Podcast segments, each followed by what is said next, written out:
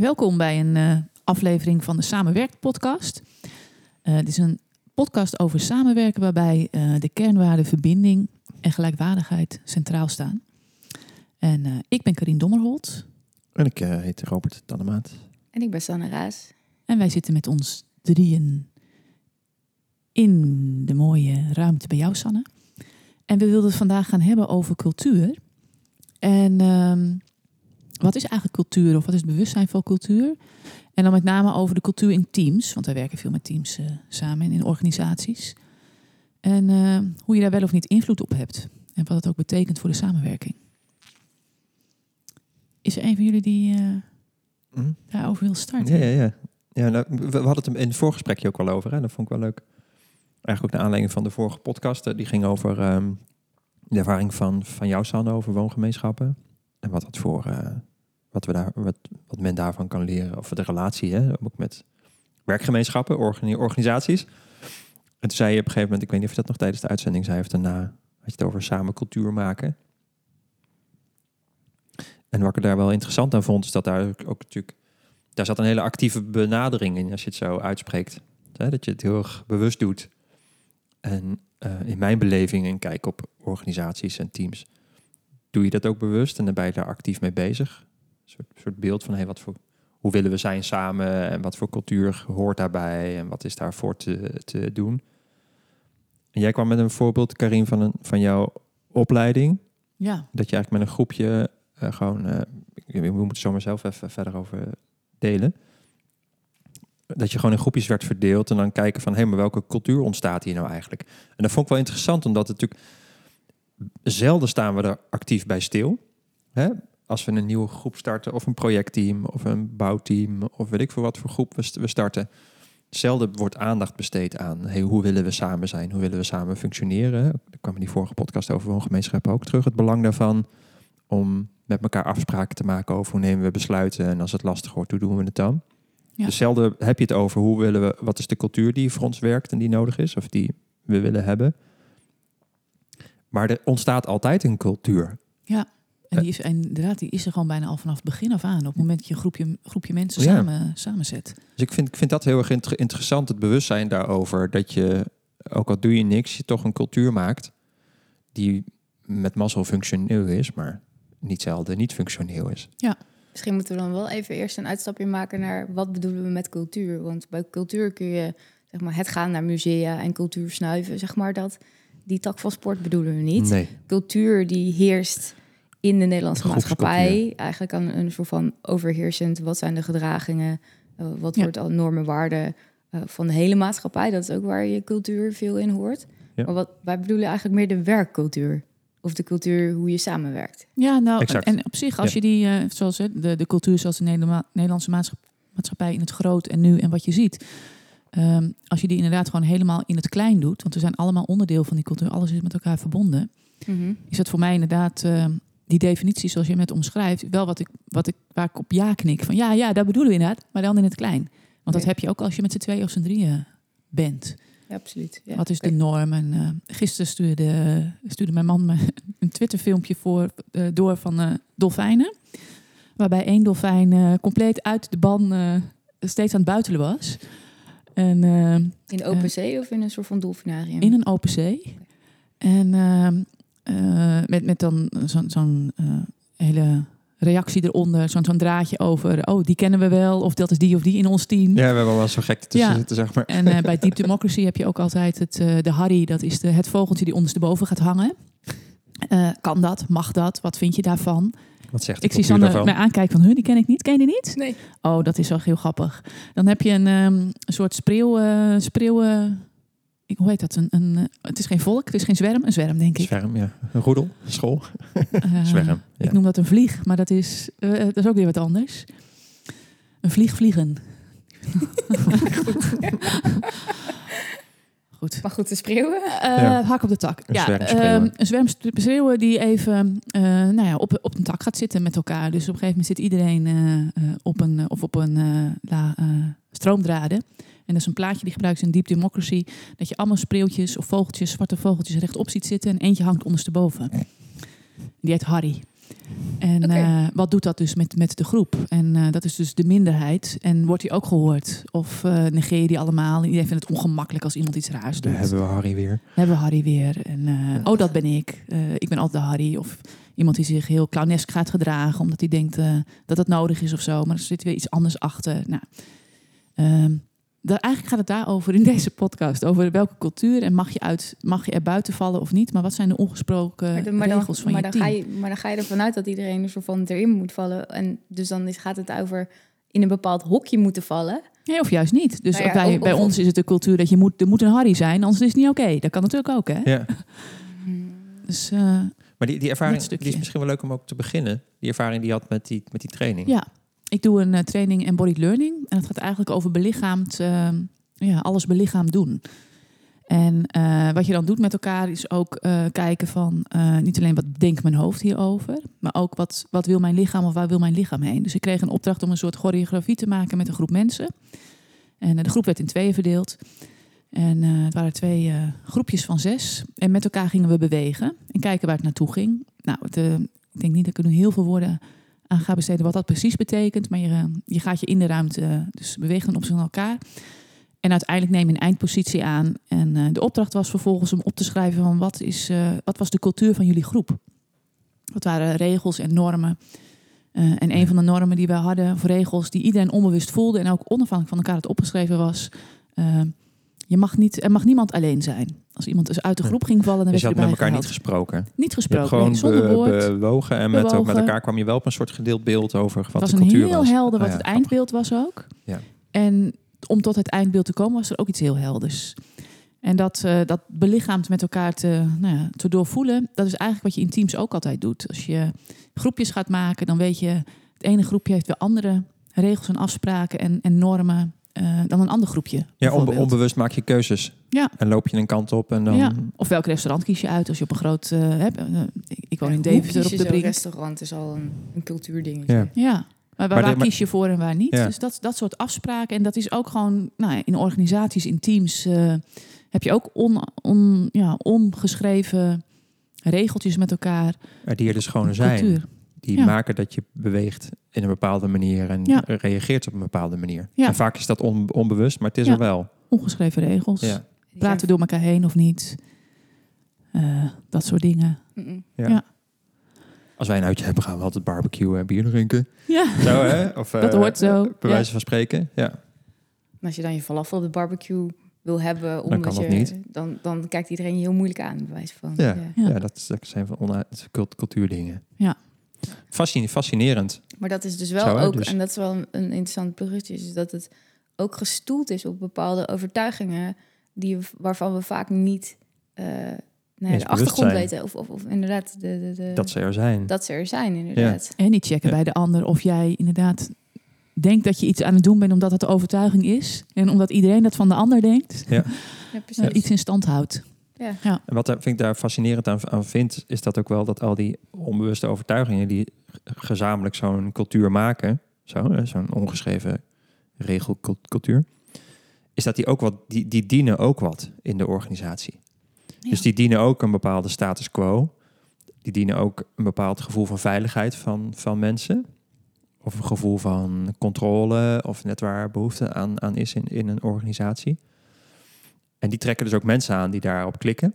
Hè, die, daarmee, die, die eigenlijk dezelfde onbewuste overtuigingen hebben of daar behoefte aan hebben. Mhm. Eh, en die stoten mensen af die andere overtuigingen en andere behoeftes hebben. Ja. ja, dan heb je dus dat de Harry's er dan misschien niet bij mogen. Ja, precies. Nou ja, ja. Of juist met, veel bravoure binnengehaald worden. Yes, iemand die, die zeg maar Die nieuwe ideeën. pakt. Ja. En dan na twee jaar zeg maar iemand, zo iemand uitgeput, zeg maar de organisatie weer Ja, verlaat om. Eh, Plek te maken voor de volgende. nou ja, Exact. nou ja, maar om, omdat het, het systeem of de cultuur die er. Van, we gaan niet veranderen. Ja, leuk, maar jij met je ideeën. eh, we gaan het toch niet doen, want zo hebben we het nooit gedaan. Ja, als dan een teamleider heel cognitief denkt, er is hier een frisse wind nodig. En die haalt een frisse wind binnen. Die haak staat op de on- onbewuste, onuitgesproken cultuur. Kan het veel conflict opleveren. Of, of uitputting zelfs van zo'n persoon die dan binnengehaald is. En als de teamleider dan ook zeg maar de, de huidige cultuur tevreden wil houden en dan niet de, de frisse wind ondersteunt, dan krijg je dan krijg je frictie. Ja. Ja, Ja. iemand die eh, weggaat natuurlijk dan. Ja. Maar goed, Terug naar cultuur. Ja, nee, maar dit is allemaal cult cultuur dit, hè? Dus ik vind het wel fascinerend, uh, uh, ook qua, qua bewustwording van dat het er altijd is. En dat het ook te samengesteld is van alle onbewuste overtuigingen waar je elkaar in vindt. Mhm. Zo, op een bepaald level. Ook je het niet mee eens, ergens klik je zo. Ehm, en dat het dus functioneel kan zijn in een bepaalde veiligheid en een bepaalde gedragenheid. En dat je ook gewoon business as usual kan, kan doen als, als team of organisatie. Dus daar is die best prettig, prettig voor. Ehm, maar dat die dus ook beperkend kan gaan werken als je iets anders wil doen dan wat je altijd al doet. Hè, dat, dan dus, dan, dat dan dus ook een bewustzijn nodig is, zoals wat je omschrijft, hè, wat je dus had tijdens die training. Dat je bewust wordt van, oh grappig, we zijn eigenlijk zo onbewust gaan lopen en in elkaar geklikt. En dan komt er dit als cultuurplaatje in één keer uit. Ja, en wat, wat ik ook een mooie, of een, inzicht die ik daarbij had, was dat het, er is er dus meteen al. Snap je? Dus je hebt al zo snel die cultuur. En dat vind ik ook leuk van ons drieën. Hè? We zijn nu uh, nou, tijdje op weg met elkaar. Dat, je, dat we nu aan het nadenken zijn en wat wordt dat dan? En dat we de tijd ervoor gaan nemen. Hè? De vorige podcast veel uh, over, over uitgeweid. Maar het is er al. Ja. En uh, dus je hoeft het alleen maar te, te, nou, te doorvoelen, zichtbaar te maken, bewustzijn erop te zetten.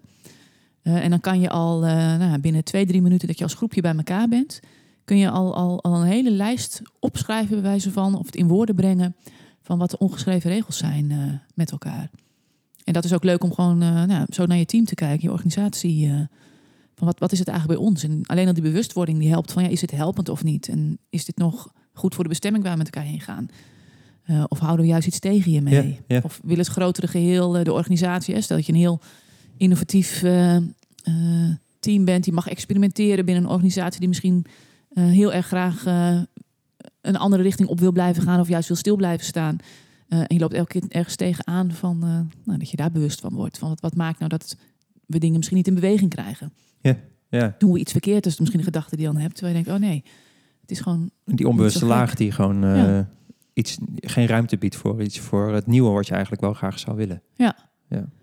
En het leuke van dat embodied learning, dat je dus dat ook veel makkelijker zichtbaar krijgt op het moment dat je ook je hele lichaam erbij gaat gebruiken. Dus Niet alleen maar gaat zitten. Wij zitten hier in deze podcast setting ook gewoon op een stoel. Uh. Mm -hmm.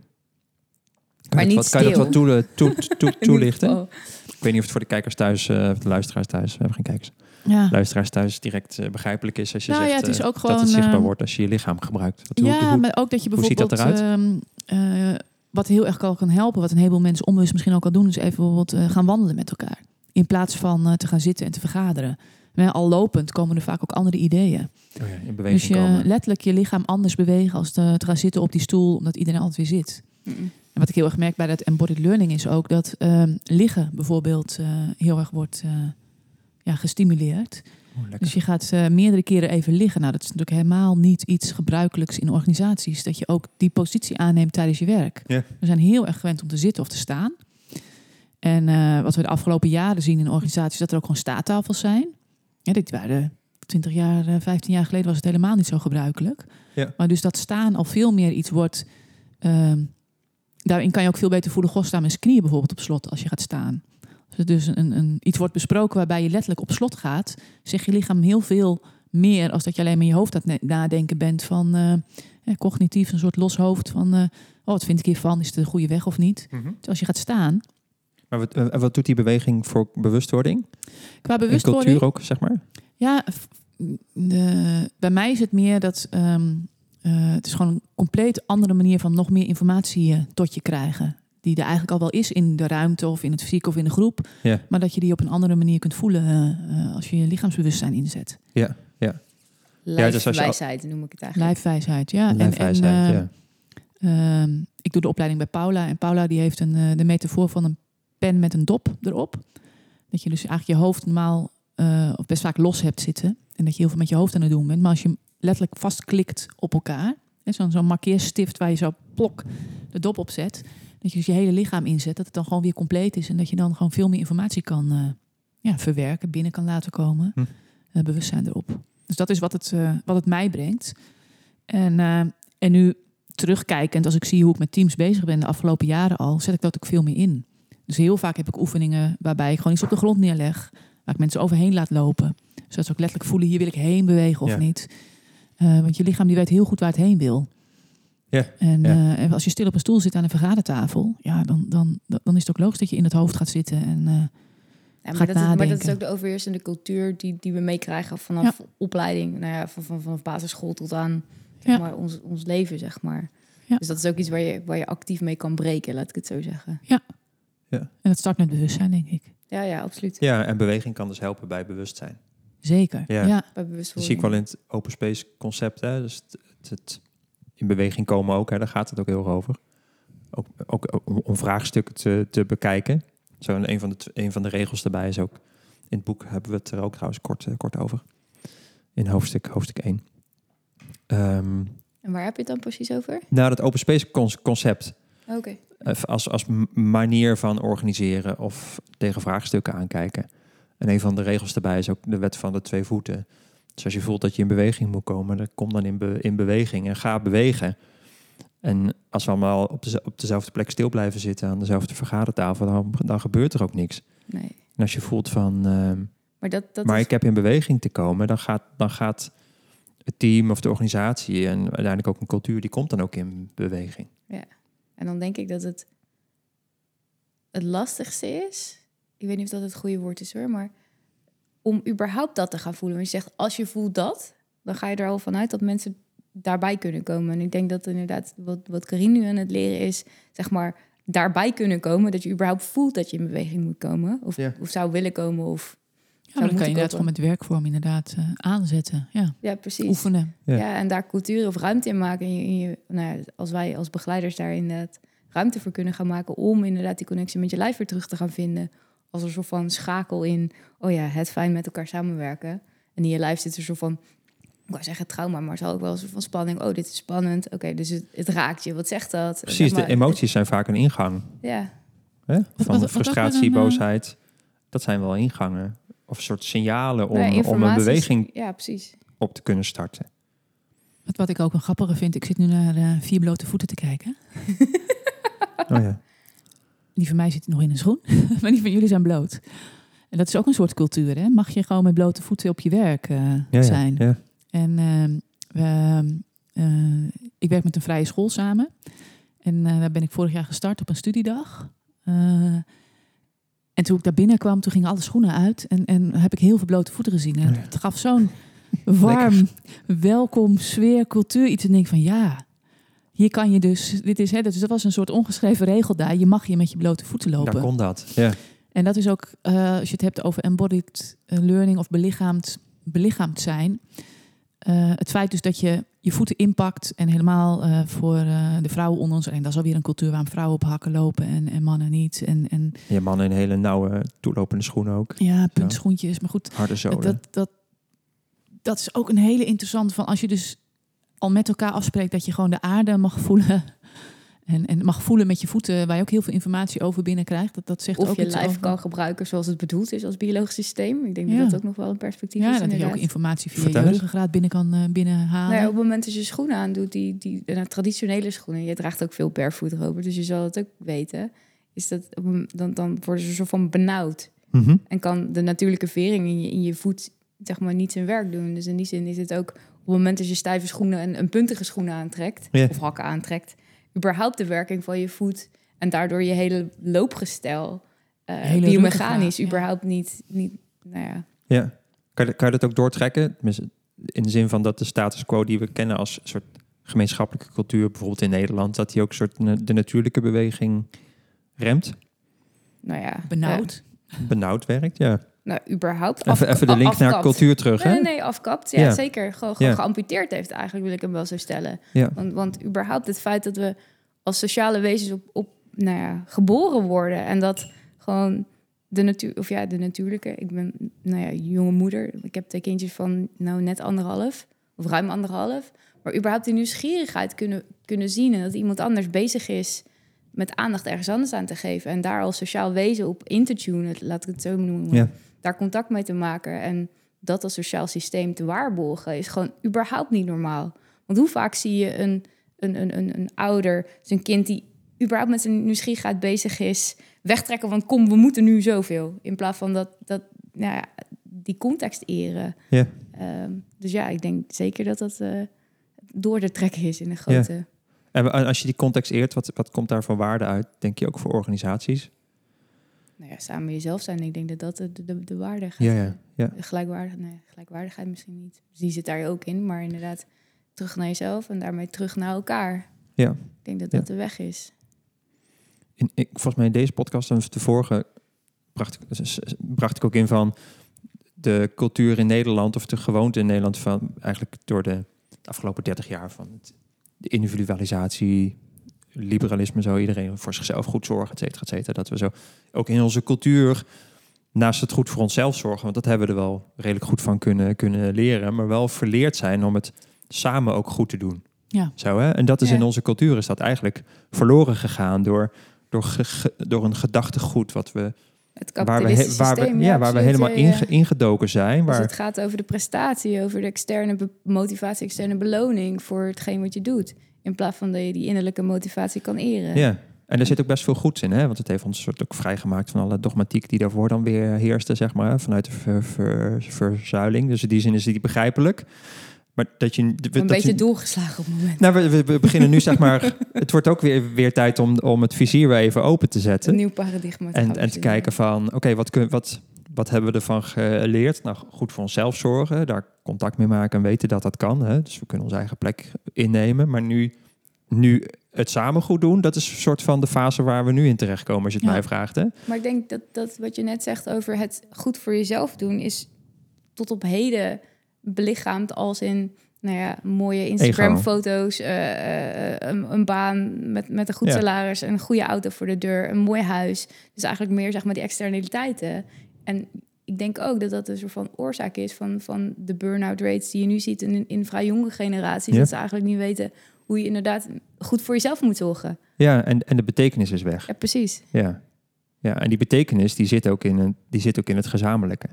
Tenminste, iets, dat, tenminste, dat is waar ik heilig in, in, in geloof. Dat iets waardevols alleen maar waardevol is als het goed is voor individu, maar ook goed voor de groep.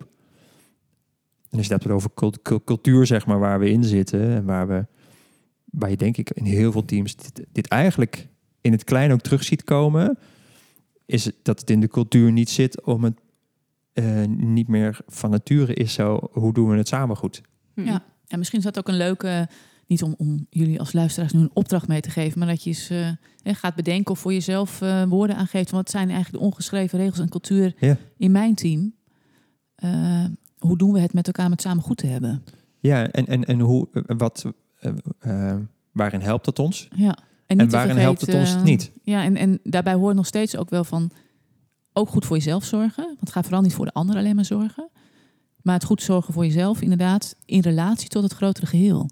En niet een soort ego. En, uh, hè, dus die Harry die ondersteboven hangt. Ja, niet, niet zorgen dat hij zichzelf heel goed ondersteboven kan hangen. Maar hoe is dat ondersteboven hangen? Goed voor het grotere geheel. en welke rol heeft hij? Goed voor, goed voor Harry en het geheel. ja. want het gaat er niet zo om dat je alleen maar zelf gaat kijken van ga ik nu in mijn eentje ondersteboven hangen of juist niet. Of moet ik dan een Harry worden? Dat wil ik helemaal niet. Maar goed, eh, dus ik zorg dat ik rechtop blijf staan. Maar juist weer uh, die link naar het grotere geheel. Ja. En dat is inderdaad misschien ook wel een leuke uh, cliffhanger voor ons, uh, een van onze volgende podcasts die we willen opnemen. Hoe kun je de mensen inderdaad blijven zien? hoe kun je Harry zien en eren? Maar wel. Uh, ja, ik moet nog even wennen aan de naam Harry merken. ik heb het er nog heel vaak terug gaat komen, Harry. ja, ik zit nu zelfs te twijfelen. Heet hij wel Harry? Heb ik er zelf Harry van gemaakt? Nee, volgens mij heet hij ook in Deep Democracy. Uh, Bij deze heet hij Harry. Term Harry. Okay. Ja, ik ken een Harry. Dat is dan. Ja, ja daar mag ik ook last van. ja, nee. Dan, ah, Leuk, goed. Harry. Ja. Dus ja, misschien is het leuk inderdaad om voor jezelf, uh, al luisteren naar deze podcast, te bedenken, ja, wat, hoe doen wij dat met Precies elkaar? Precies, om het praktisch te maken, hè? terug ja. eventjes. Uh... Ja, want we, de neiging die, die, ik nu voel is om het heel groot en filosofisch aan te pakken. Ja, en uh, heerlijk, polarisatie maar... en dat soort dingen. Maar wow, waar gaat het heen met de maatschappij? Maar dit is een podcast over samenwerken in teams. Dus ehm, ja, als je dit luistert vanuit een, nou ja, als lid van een team wat is jullie uh, ongeschreven cultuur? Of misschien zelfs wel wat jullie geschreven cultuur. En doen jullie dat wel? Voel je eigenlijk wel dat je dat doet? En als je binnenkort in een nieuw teampje terechtkomt of met een nieuwe groep mensen, hoe snel heb je al niet helder wat, wat jullie regels zijn? Mag je elkaar aanraken?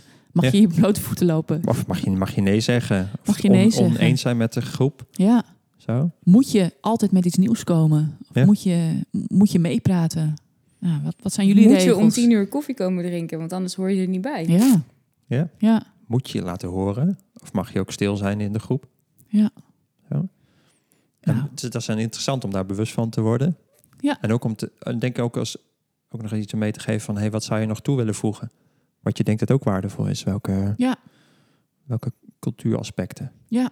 En, En ik wij vind- vinden het ook leuk om dat terug te horen. Dus, Zeker. eh, Ik wilde nog even een bruggetje maken dat, dat je niet, nou ja, als je dat soort dingen gaat, gaat opnoemen voor jezelf, dat je niet vast blijft hangen in de gedragspatronen. Dus, dus wat zou je willen dat iemand anders of wij met elkaar doen, maar welke waarde of behoefte zit daarachter? Om daar inderdaad die diepere laag met elkaar op die cultuur te gaan maken. Dus dat het niet meer gaat over ehm, je moet op je blote voeten blijven lopen, maar nou ja, de aarde voelen of in contact staan met elkaar. eh, dat als uitingsvorm. Dus inderdaad, nou ja, die diepere laag te gaan. Ja, en voor mij is dat een, eh, om nog even weer een praktische tip dan te geven. eh zinnen met van ik moet, hè, dat zijn een soort regels, ongeschreven of eh, opgeschreven. Maar als je die vertaalt naar ik wil of ik kies, wat kiest de groep? Wat kiest deze groep om te gaan doen? En dan, dan kom je vaak wel eh, bij de, de laag van eh, behoeften en eh, motieven, motivaties uit. Motieven, vind ik mooi. Dankjewel voor het luisteren. Ja. En eh, deel deze podcast als het je geïnspireerd heeft. Of als je denkt dat anderen kan inspireren. En, deel eh, met ons wat je geïnspireerd heeft. Ja. En eh, hartstikke leuk eh, als, eh, ja, als jullie ook laten weten wat jullie cultuur is bijvoorbeeld. eh. dan kan het ook hieronder of niet? Weet ik eigenlijk helemaal niet. Ik weet niet waar, waar je dit luistert. Waar je het luistert. Ja, want je kan het luisteren in je eigen podcast app natuurlijk. Ja. Goed, dankjewel voor het luisteren. En tot En, de volgende keer. Ja,